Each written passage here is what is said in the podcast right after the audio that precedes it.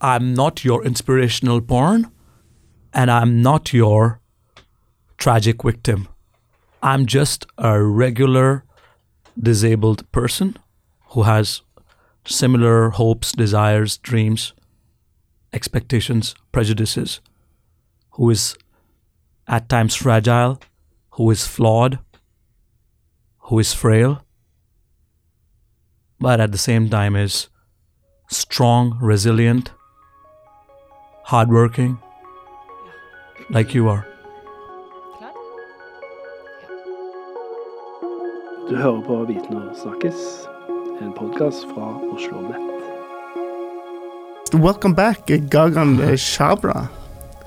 Hi, Hallvard. Nice to meet you again. Yeah. Uh, you're doing a PhD degree here at Oslo Met, and you have also visited this podcast uh, once. We, we were talking, we called the episode uh, Ask, Don't Assume. Um, and today we're going to follow up a little bit Today, you're going to teach me and our listeners, I think uh, for many, a new ism word. Um, I you wrote a little op-ed in Aftenposten where I discovered this word, and it's it's ableism, Mhm. and uh, it's really interesting that you brought this up now in these what should we say strange times and everything going on. Uh, so that's why I thought it was really natural to invite you back and help us understand this in today's context. Uh, but but first, this word ableism. I think uh, there, there are lots of words which uh, describe this phenomena: ableism, disablism, funkophobia, whatever you want to call it. You know, like uh, uh, Shakespeare back in the day said, you know, that a rose by any other name would smell as sweet. So, uh, so this concept of ableism, call it by any other name, it's it's equally abhorrent. So, the idea of this ableism is that you treat disabled people with less worth, less value, just because of the fact that they have a disability. It's based on your abilities. You have misconceptions or spurious assumptions. You other the disabled person. You treat them as a marginal uh, uh, category when you think that you are the norm. So uh, it's it's all based on uh, prejudices, your conscious and unconscious biases, uh, which you operate and which you say that okay, this person has a disability and uh, he or she is of less value or perhaps more value uh, than uh, than I am. I I don't want to treat that person as an equal human being. Th- this smells a lot about what's going on in the U.S. now with the racism debate. Oh yeah, for sure. Like uh, precisely, I- it's it's cut out from the same cloth as racism or sexism uh, because the idea is that you don't treat an individual on his or her characteristics uh, or or his or her uh, capabilities and potentiality, uh, but you treat them on this immutable uh, feature, perhaps you know if you want to call it an immutable feature. If a person has an impairment, then then you instinctively think that ah, this person's life would be perhaps absolutely tragic. Uh, he or she might be childlike or dependent or uh, might be asexual or how would he or she uh, be living a fulfilling life? I should feel sorry for this person. And all these attitudes you know uh, which we harbor uh, either uh, either explicitly or uh, or implicitly uh, make us walk on the path of ableism. And we don't even know about it. That's the issue You, as you rightly mentioned that i've been writing like op-eds about uh, about this in Dagsavisen, Vårt Land, uh, Aftenposten, and also one in uh, in English. And and the idea is to bring this concept to the Norwegian vocabulary, uh, to make give the Norwegian uh, civil society, uh, disability uh, activists, to an opportunity to work with it, uh, because. Um, we all encounter these attitudinal barriers, especially I'm talking about people with disabilities. There's a lot of stigma and stereotyping attached to it. But is it important to have a word for this? Yeah, I think so because if you don't have the word, then uh, perhaps it's so hard to uh, to to to uh, to describe the problem because you need a word to mobilize uh, the imagination, if you will. Uh, so, for instance, you know, like the idea is that uh, we have a very Descartesian, Cartesian way of looking at the world. We look at the world in binaries the good and the evil, right and wrong, black and white, abled and disabled. And the truth is that perhaps we all, what I would call it, like, and uh, many people have referred in the past as, we all are temporarily able bodied individuals. We are tabbies. We, if we live long enough, there's high probability we become disabled. If uh, eh, we are just one step away from having an accident, for instance, or falling from ski, or or who knows, like uh, uh, if our uh, if uh, if a child is going to be born with an extra chromosome, we have to keep that in the back of the mind. We all are flawed, we all are frail, and uh, we all share a common destiny so if we are if we are keeping this in the backdrop, then perhaps we will not create these strong binaries of ableness and disablement. Mm. We would be okay treating the other uh, disabled person with uh, uh, with dignity, uh, thinking that the other person has equal worth as I have, and we would not be othering the other the, the disabled human being, mm-hmm. and that's the that's the crux of uh, dis- ableism. So, so Gagan, give me some examples of ableism. How, how does a person with a disability uh, see this happening? I, I think that all of this happens in the backdrop. Most mostly, people don't even know that they are having harboring ableist attitudes because we all want to think that we are kind, generous, good people nobody wants to walk on the street and say, "Ah, oh, I don't like this blind person walking on the street, and I'm gonna I'm gonna uh, trip him." you, you, get my point. Uh, you get my point. So, the, so so the, so the idea is something like this: that we all have this in the back burner uh, in our heads uh, because it's been such a long legacy of disabled people being treated uh, in a very stigmatized, stereotypical ways. Uh, and and the idea is that since if we assume that these people are are dependent, then we would not be able to see them as oh, should I be dating this person? Because perhaps this person is very dependent. I don't want to be a nurse for this person mm. because this person uh, is on a wheelchair, for instance. Mm example like oh uh, do you do disabled people have higher education? How do they go? Like for instance like if you're blind how do you use a smartphone? Yeah. uh, you know? Like uh, oh uh, uh, uh do, do, you have a job? Like if you have if you're hard of hearing how can you manage if you're signing and if you are not talking properly? If you have speech impediments can you have a job? Can you have a fulfilling life? What's the well being quotient? Perhaps you don't have a similar amount of well being what I have when I can go on my hyttetur and I can have a full time job and I am uh, I am uh, highly educated and I have a partner and I have a, a house and I have my kids because I am this quote unquote norm, able bodied norm. Mm and you, my friend, are the disabled, the other, the outsider, the periphery, the marginal. So, so where where do you where do we start fighting ableism? Like uh, this, it's it's the way you're describing it, Gagan. It's it's so big, as you say. This yeah. is in our backbones.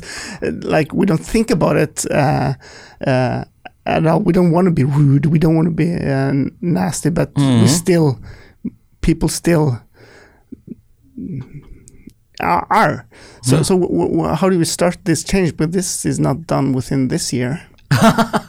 no, I think that it's this is going to be a long, long journey, and uh, that's why, uh, as I said, like uh, uh, disabled people have been marginalized for such a long period of time, and they have been uh, viewed in a very patronizing form for millennia, not like 20 years, 30 years, millennia. Mm.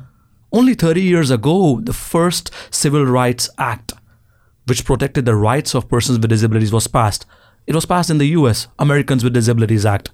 It was the first legislation which said that, listen, you should not discriminate against people with disabilities when it comes to recruitment, when it comes to giving access to education, when it comes to uh, creating infrastructure where uh, wherein they could access the buildings, the movie theaters, the uh, parks, and so on. Just 30 years ago. And after that, where have we reached? Like we had like Sweden coming up with a an anti-discrimination law in late 90s, early 2000s. We had Norway coming up with a anti-discrimination law in mid 2000s. Country like India and countries from the global south have come up with laws now uh, recently which says that you should not discriminate against people with disabilities because the core idea is this that the governments and the people and society the consciousness is in, is now increasing a little bit and they're saying that you cannot should not discriminate against people with disabilities. You should not treat them as objects of charity. You should not view them as as personal tragedies. Mm. You've got to view them as human beings with capabilities, with aspirations to live a fulfilling and meaningful life. And this is just 30 years ago. So, of course, it's going to take a long, long, long period of time. Uh, I think we've just started this journey. Uh, uh but the good thing is that uh, that uh, at least what, what's happening in the, the in the US right now, it's uh, the, the, the societal societal consciousness has increased quite drastically on issues of race. Uh, we are we are kneeling in solidarity with uh, with people. We are talking about listening to these marginalized voices. We want to explain to people that it's not good, it's not right to discriminate against people based on their immutable characteristics, be it race, be it gender, and I think disability is also a very, very important marginalized minority group which has to be taken care of. As i mentioned like they're like 17% of the norwegian population has a disability mm. of, of some kind. And a, and a lot, a lot of this disability is invisible. And what I mean by invisible disability is people having social anxiety, people having depression, people having uh, chronic fatigue syndrome, and what have you. And they are so traumatized to come out and say, listen, I have a disability. Because they are not, they are told that if you say you have a disability, we are going to treat you in a different way. Mm-hmm. When we think that the other person is not as prejudiced as I am, we put the other person either lower or higher mm. than what we are. For instance, you, often disabled people are treated as, as I mentioned, dependent, childlike, weak, and you've got to give them charity. So if you have a disability, uh, tough luck. I know your life is tragic. So you are treating the disabled person in a, uh, as if the person is inferior, even though the person might be Stephen Hawking. Mm. one of the smartest human being ever uh, whoever lived in this on this planet Earth, for instance. Or you flip the coin, and you suddenly say, "Oh my God, Stephen Hawking, the best physicist," and you uh, and you forget that yes, don't treat the other individual as a as a pure inspiration just because of the fact that the person has a disability. Like me walking on the street, taking a tram by myself, should not inspire no one. because it's just anybody who, who is uh, living in Oslo uses tram. So the point is this that the two sides of this issue that on one side, you are treating the disabled person as a victim, as a dependent person, as weak in a tragic form, or you flip the coin and you treat the same disabled person as an inspiration. Mm-hmm. As someone who is so special, so outstanding, so fabulous that he or she has to be looked up to. I'm just saying, why can't we look them straight in their eyes? and, and, and, and this is very, very important to treating people as equals, as n- and not as uh, inspirational heroes or tragic victims. Mm. But but I think I think we're afraid to hit that level that you're describing now, that that equal level, because you're.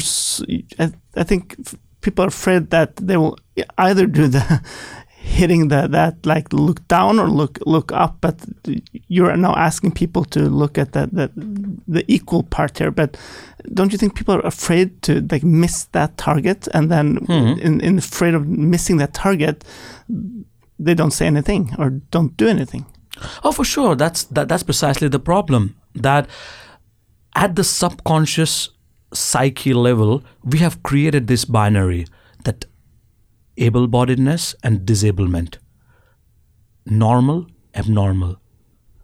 And when you say that you are able-bodied, you are normal. And the and the opposite of that is something which is abhorrent, something which is not nice to have.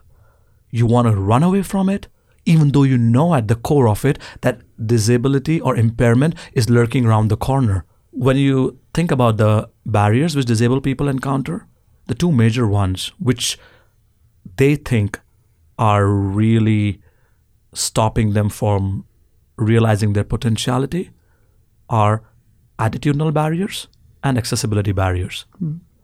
And united states sweden norway all the rich countries in the world have done good steps taken good steps to sort out the accessibility barriers. Yeah you want to build a ram? Let's build a ram here. You want you want you want the uh, screen readers? Like let's fund the screen readers. Yeah the material problems are a lot easier to sort out. They are important they have to be sorted out.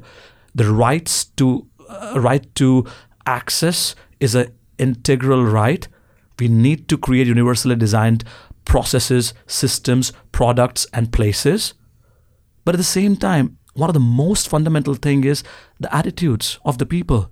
We need to work to change to alter to enhance the, the attitudes of the people. We cannot just hope that imagine if you are a politician or a policy maker sitting on the top of the government and you think that ah disabled people when when mr Abid Raja says when he's launching the inclusion dugnad he's saying to all the employers take it for the team guys. Come on take it for the team. Recruit the disabled people. What's the signal he's giving to the to the employers?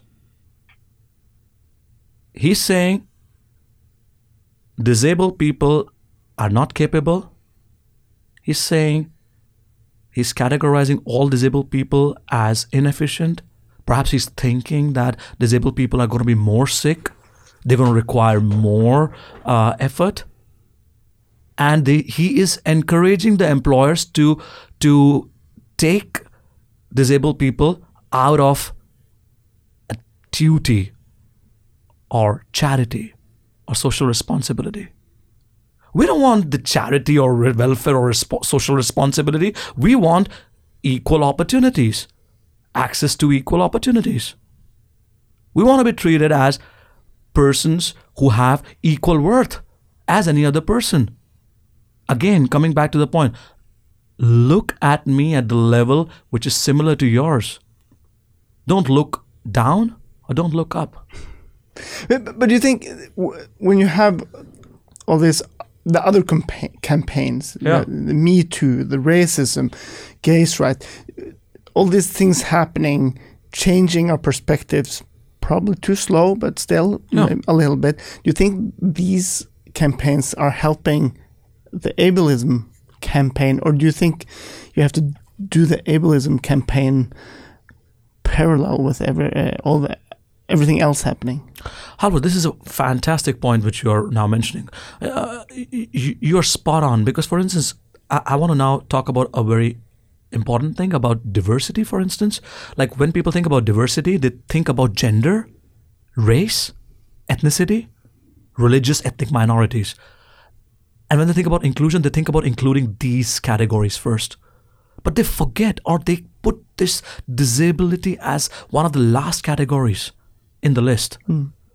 And that's the that, that's a huge problem. As I mentioned, like almost one out of five person in Norway has a disability or has an impairment. Right? And disability is a cross cutting issue. it cuts across different identity markers. You doesn't matter what gender you have, what race, what sexual orientation, which religious background, or if you are following religious background or not, what's your ethnicity, you can be disabled. But still, we forget it. And that's the issue. That's the main, main problem. That in Norway, diversity is predominantly understood as gender diversity or gender equality. And inclusion is seen through the lens of ethnic inclusion, minority inclusion. We've got to be having a much broader tent of diversity wherein we include people with disabilities as in front and center of this whole debate or this whole uh, inclusion effort or initiative. We've got to do that. That's very, very important. And that's why I think that we need to have a stop ableism ca- uh, campaign, a stop ableism initiative, because this issue of disabled people, disabled people have been pushed in the back of the queue or they have been marginalized for far too long. For far, far too long and you you would start the stop ableism campaign you have other minority groups be allies with them be allies with uh, uh, those who have different sexual orientation the gender movement the me too movement the race movement and explain to the world that there is this commonality which we share that we are othered just because we are not the norm mm-hmm. And that has to be a strong message. We need a lot more solidarity, a lot more uh, working together, a lot more collaboration. And as I mentioned, the, uh, I've used the word dialogue often. I don't necessarily want to just finger point and say to the employers, you are the problem. You are not recruiting disabled people. Or to say to the educational institutions, why are you making not making sure that disabled youth finish high school? Mm the issue is instead of pointing fingers to understand at a deeper level that perhaps we are uncomfortable with the idea of impairment. We are we are not happy at the core. We are afraid of the fact that if we have disability our life will be less valuable less fulfilling less meaningful. And we will be treated in a stigmatized stereotypical prejudicial way. And that's the that's the core issue so we've got to of course have the stop ableism campaign and i hope that we can get a lot of allies a lot of support a lot of uh, change in the in these mm. peculiar times Gagan, uh, thank you very much for uh, for uh, bringing this topic uh, in and, and, and putting words on it, and um, well, helping me at least understand a little bit better uh, the, this the the ableism uh, cause. Uh, however, I must say I really appreciate the fact that you invited me again, and uh, uh, this is fantastic to be here. And um, uh, may this dialogue be one of the first steps to a much more robust uh, debate on ableism in Norway and beyond. Thank you very much. And and if you're listening, int- more interested in this, I would uh, yeah go and contact Gagan because this is a guy who knows a lot about this topic. He's doing his research on this right now, so that's a person to talk with. And uh, thank you for listening to this episode. Um, you can listen to Viten Snakkis on Spotify, on iTunes, and all places you find the podcast. And we'll be back soon with a new episode. So thanks a lot. See you around.